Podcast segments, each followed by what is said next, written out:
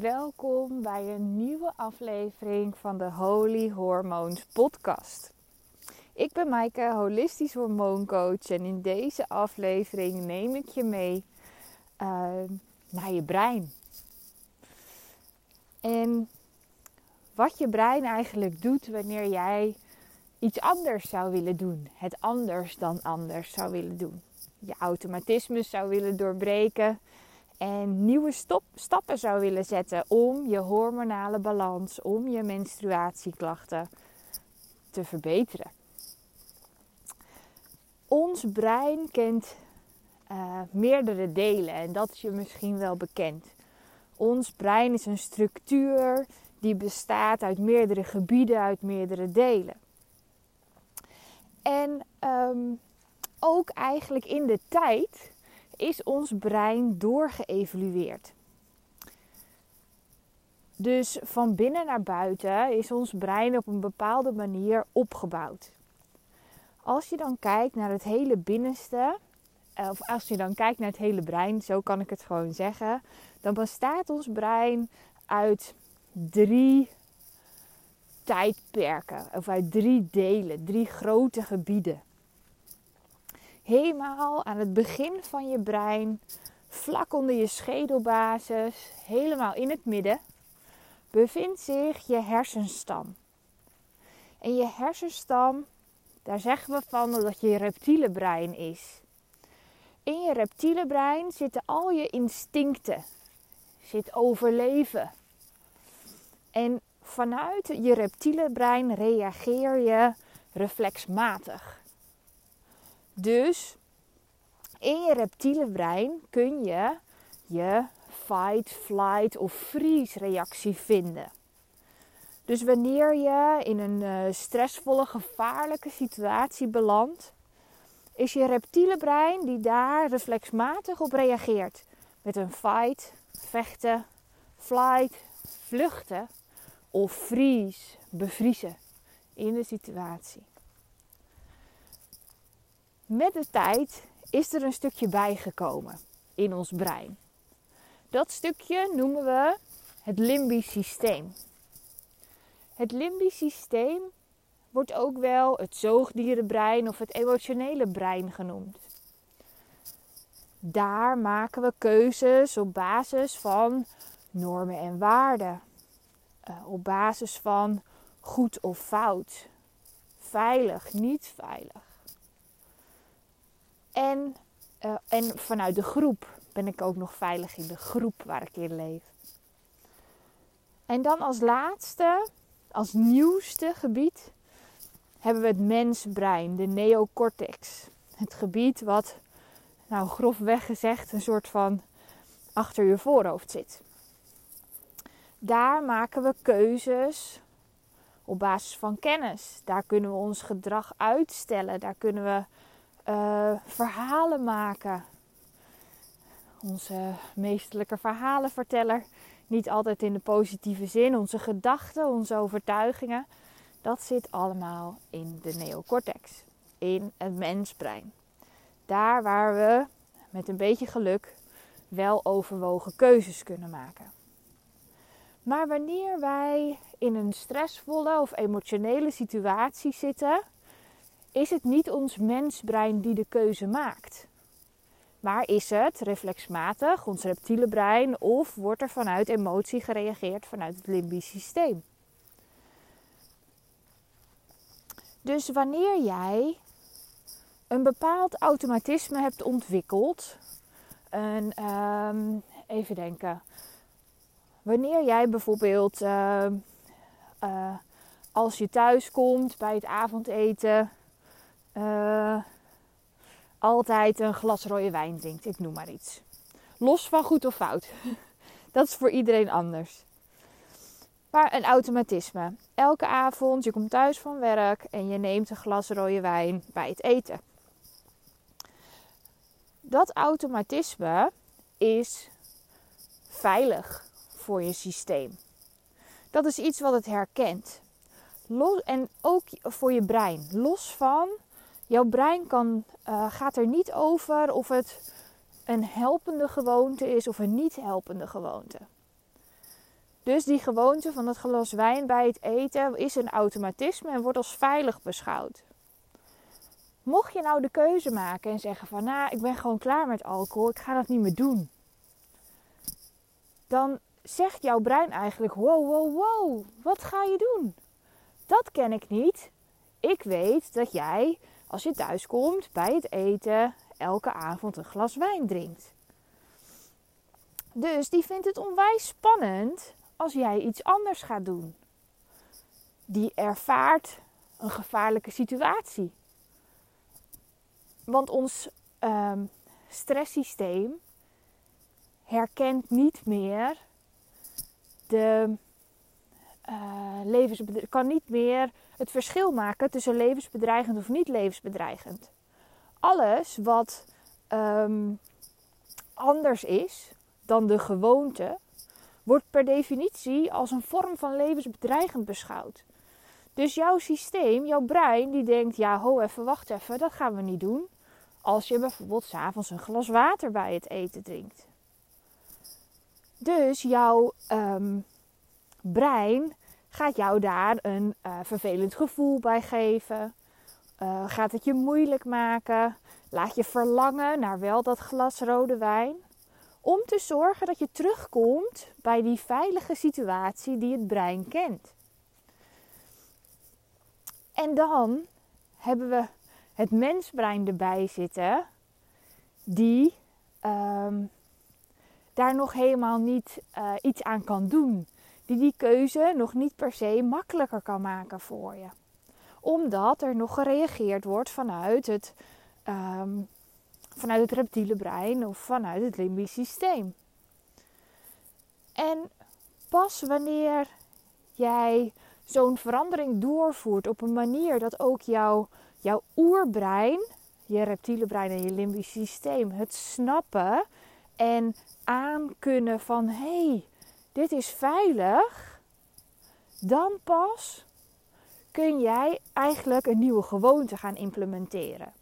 Dus dat betekent dat jij eigenlijk je brein aan de hand moet meenemen door de verandering die je door wil voeren.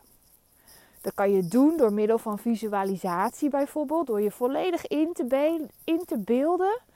Niet alleen qua hoe, de, hoe de nieuwe, het nieuwe gedrag eruit zou zien, maar ook hoe het gedrag zou voelen. Hoe zou jij je voelen als je stopt met het gebruik van alcohol bijvoorbeeld? Al die ervaringen kun je stoppen in een visualisatie en daarmee eigenlijk je brein alvast laten zien. Weet je, hier wil ik naartoe. En dat is oké. Het is veilig. Het is niet levensbedreigend. En dat kunnen we echt met elkaar gewoon zo doen. En um, een andere manier, visualisatie is één manier hoe je dat aan kan pakken, is vooral om kleine stapjes te nemen. Want in, wanneer jij in één keer van alles naar niets gaat, kan jouw brein dat niet bijbenen en gaat het per definitie in de ankers hangen van wow, stop, stop en gaat het jou extreem lastig maken. Wanneer jij een gewoonte wil veranderen, is het belangrijk om in kleine stapjes te denken. Dus stel je voor, uh, je eet bijvoorbeeld uh, acht keer op een dag iets. Uh, dat is niet helemaal handig voor je systeem, maar daar zal ik vast op een later moment nog terugkomen. Maar stel je op terugkomen, maar stel je voor je eet acht keer op een dag iets en je zegt van nou, al die tussendoortjes, al die gesnijerij. Van die acht keer eet ik wel uh, drie keer een chocolaatje omdat ik langs de, de chocoladetrommel loop. Daar wil ik iets aan doen. Ik wil dat verminderen. En ik wil terug naar drie keer op een dag eten bijvoorbeeld. Nou, hartstikke wijs besluit. Dat staat echt uh, buiten kijf. Zeker ook om je hormonale balans te herstellen. Want elke keer dat we iets in ons mond stoppen. Uh, nou, ga ik toch uitleggen waarom het niet handig is om acht keer te eten. Elke keer dat we iets in ons mond stoppen, um, is dat eigenlijk lichaamsvreemd materiaal wat we in ons systeem stoppen. En dat geeft een zekere vorm van stress in ons systeem. Dus de stressas wordt geactiveerd en de hormonen adrenaline en cortisol gaan aan. En hoe vaker we dat doen op een dag, hoe uh, meer geactiveerd onze stressas dus eigenlijk raakt. En dat betekent niet dat je minder moet eten, maar eet meer in minder momenten. Daarnaast heeft onze alvleesklier ook nog eens het nodig um, om uh, te herstellen. De alvleesklier die produceert de spijsverteringsenzymen die nodig zijn om onze voeding te verteren. En um, elke keer wanneer de, de, pancreas, de alvleesklier, spijsverteringsenzymen aan moet maken, um, gaat het zelf een beetje stuk. En het heeft de alvleesklier heeft zes uur de tijd nodig om um, te herstellen van zo'n uh, aanmaak van spijsverteringsenzymen. Dus wanneer jij acht keer op een dag eet, raakt je alvleesklier gewoon een beetje in de stress. En gaat stukje bij beetje steeds meer stuk en krijgt niet meer voldoende de tijd om te herstellen. Wat kan leiden tot verteringsproblemen, tot uh, bijzondere ontlasting. En met bijzondere ontlasting bedoel ik bijvoorbeeld dat het gaat drijven, omdat de vetvertering niet meer goed loopt. Omdat de spijsverteringsenzymen die het vet moeten afbreken niet meer voldoende worden aangemaakt door de alvleesklier. Um, en je uh, daarmee dus extra schade toebrengt aan je systeem. Dus hoe vaker we eten, hoe meer schade we toebrengen aan ons systeem. Maar echt, ik wil benadrukken, het gaat niet om minder eten. Het gaat om minder vaak eten. Want het is heel belangrijk om eigenlijk veel en goed te eten van de dingen die goed voor je zijn. Maar terug naar ehm, hoe je je brein nou mee kan nemen in zo'n verandering. Stel je voor, met het voorbeeld, terug naar het voorbeeld, je eet acht keer per dag. En uh, je hebt opgemerkt dat dat drie keer op een dag wel is dat je langs de snijpot loopt. En uh, je hebt als doel om naar drie maaltijden op een dag te gaan. Drie keer eten. Dan is het niet handig voor je brein om te zeggen: Yo, vanaf morgen ga ik drie keer op een dag eten. Dat gaat je niet lukken. Je moet je brein en ook je systeem stapje voor stapje meenemen in, um, uh, in die verandering. En weet daarin ook dat elke stap die je zet extreem waardevol is. Dus als jij nu acht keer op een dag eet, dan kun je eens bij jezelf nagaan van hé, hey, welke maaltijd, welk moment is voor mij het makkelijkst om te skippen. Stel je voor, je neemt s'avonds bij je kop thee, neem je nog een koekje of een chocolaatje of wat het ook mag zijn. En je bent voor jezelf eruit, ja, waarom doe ik dat eigenlijk?